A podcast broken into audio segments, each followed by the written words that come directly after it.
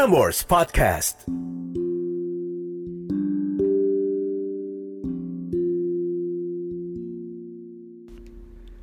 Catatan akhir malam oleh Narendra Pawaka. Jumat 28 Mei 2021. To my bullies, I'd like to thank you. Thank you for making me a better person. I hope life treats you well. Malam ini ada permata. Dari kelas 9 SMP sampai kelas 11 SMA mengalami bullying verbal dan juga body shaming yang menimbulkan ketakutan pada dirinya.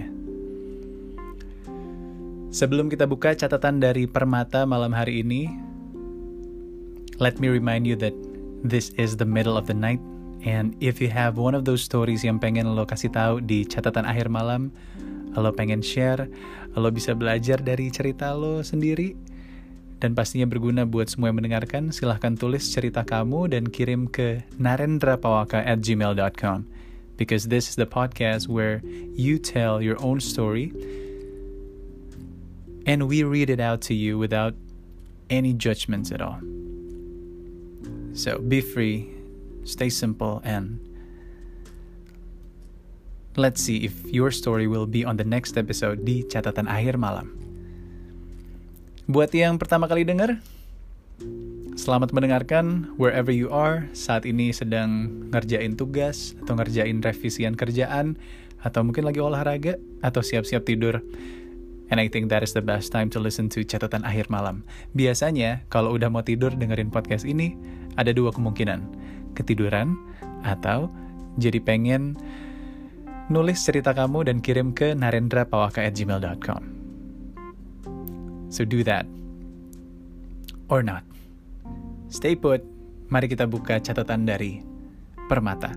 Dengan subjek Let's Stop Judging Others. Halo Eda, apa kabar? Kabar baik Permata? Thank you for asking. Semoga juga baik saat kamu mendengarkan ini ya. Gue lagi mencoba berpuasa Syawal just for the sake of menahan diri and I find that pretty good for me. So, let's carry on with your note, Permata. Aku Permata seorang pendengar baru catatan akhir malam. Dari sana aku ada keinginan untuk bisa mengeluarkan beberapa hal yang selalu bikin aku stres. Awal mula muncul ketakutan ini tuh waktu kelas terakhir tingkat sekolah menengah pertama. Tapi paling parahnya waktu aku menginjak kelas 11 SMA. Dari kelas 9 SMP, aku pernah mengalami bullying verbal. Saat itu aku anggap semua perlakuan mereka hanya angin lalu. Gak sampai di sana, ternyata di kelas 11 pun aku mengalami hal yang serupa. Bahkan tanpa sadarnya, dia sudah masuk ke topik body shaming dan dari sanalah muncul berbagai kebiasaan baru. Misalnya, aku menjadi seorang yang insecure, introvert, dan merasa terkucilkan. Sampai pada satu titik, aku merasa anxious. Seolah-olah berpikir di dunia ini aku seorang diri, nggak ada satu orang pun di sisi aku Aku terlalu lelah menanggapi mereka semua. Apa yang aku lakukan selalu terlihat mengganggu di mata mereka. Rasanya menangis pun tidak cukup. Tapi setidaknya dengan bercerita seperti ini, beban yang ada di pikiran aku sedikit terangkat. Di masa pandemi ini, tibalah aku mencoba untuk melawan rasa takut itu semua, mulai dari self-love dan bersyukur Beberapa bulan memang terasa, tapi setelahnya aku terus kembali ke lingkaran ketakutan itu. Mencoba merubah kebiasaan di lingkungan, tapi selalu saja ada yang menolak dan menjatuhkan aku kembali. Maaf Eda, bila mana ceritanya terlalu panjang. Terima kasih. Terima kasih kembali, Permata, sudah bercerita tentang body shaming, tentang bullying verbal, You know what, kaula muda, bullying and cyberbullying have become an unstoppable storm in our world today. Beribu-ribu kaula muda menderita yang namanya anxiety, depresi, kesulitan makan, dan banyak sekali mental health illnesses as a result of severe harassment from their peers, yaitu bullying. And for a fact, did you know that one life is lost to suicide every 13.3 minutes? If that's not something to be concerned about, I don't know what is. But the truth is that those who get bullied are never be the same again. And I should know, you should know, we should know that I, you, we are one of them. And I think in life we cannot escape bullying. So, what should we do ketika kita dibully, verbal bullying, sampai body shaming? Well, we just need to believe that we are worthy of recovery, and I'll tell you why. Because we are so much stronger than we think we are. Kita itu lebih kuat daripada apa yang kita pikirkan sebenarnya permata. Jadi buat permata yang sudah dibully dari kelas 9 SMP sampai kelas 11 SMA, bahkan kamu bisa menganalisakan ini tipe bullying yang verbal sama body shaming, sampai akhirnya menimbulkan dalam tanda kutip ketakutan pada diri kamu permata. Well, let me remind you that you are so much stronger than you think you are. You are capable of enduring until you face with the worst situation. You get thrown into many difficult challenges every single day, but the truth is that we cannot control what people do and how they act. And that is the most important thing. Kita tidak bisa mengkontrol apa yang akan orang lakukan ke kita dan bagaimana mereka memperlakukan kita. I learned that the only thing that we can do is to treat others as you want to be treated. Kalau misalnya Permata mengalami bullying verbal dan juga body shaming, ada masanya di mana ya memang gue seperti ini.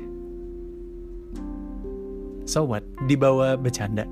Kadang ada hari-harinya kita bisa membawa itu bercanda ya, tapi kadang ada hari-harinya di mana ini udah terlalu kelewatan nih dan bikin gue baper bahkan bikin gue depresi. So let me remind you again, Permata. All we have is ourselves, and we are more than enough to jump back up when we are knocked down. Believe that.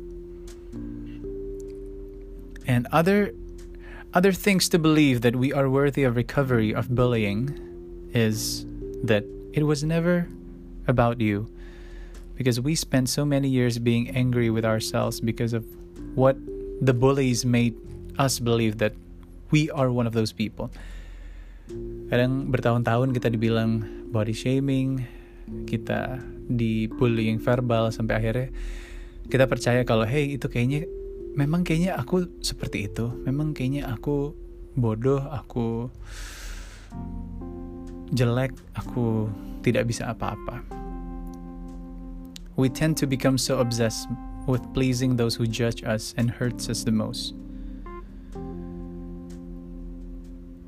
but then kalau misalnya kita melawan balik mereka, it's pointless. It's a vicious cycle and it needs to be stopped. Tapi ada kalanya juga silence is not the answer because other people have it worse than you. So sometimes you just need to tell your own story seperti yang Permata lakukan di podcast catatan akhir malam dan semoga bisa membuat kamu merasa lebih baik.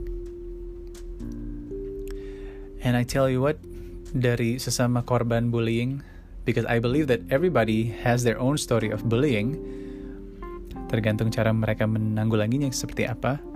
And I tell you what, it gets better. Karena pada akhirnya, no matter what happens, we must learn to deal with the cards that we've dealt and feel proud for overcoming our toughest battles. So far, we've survived every single one of our worst days. Isn't that something worth celebrating? So, once again, to my bullies, I would like to thank you. Thank you for making me a better person. Thank you for teaching me right from wrong. Thank you for giving me so much perspective on life. And thank you for showing me a hell of a way to learn to love myself. Thank you Permata buat catatannya. I guess I'll see you on the next episode. Kalau mau menulis lagi dan kirim ke podcast catatan akhir malam, it's always the same email, narendrapawaka at gmail.com. Now, for the last and definitely not the last bit of the podcast, here's a fortune saying for those of you yang terlahir di tanggal 28 Mei.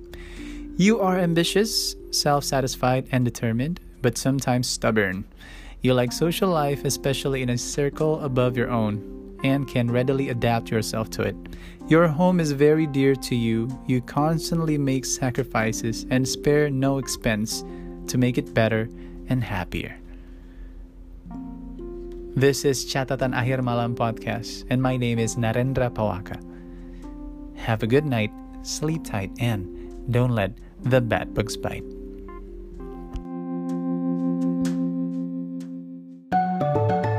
Frameworks Podcast.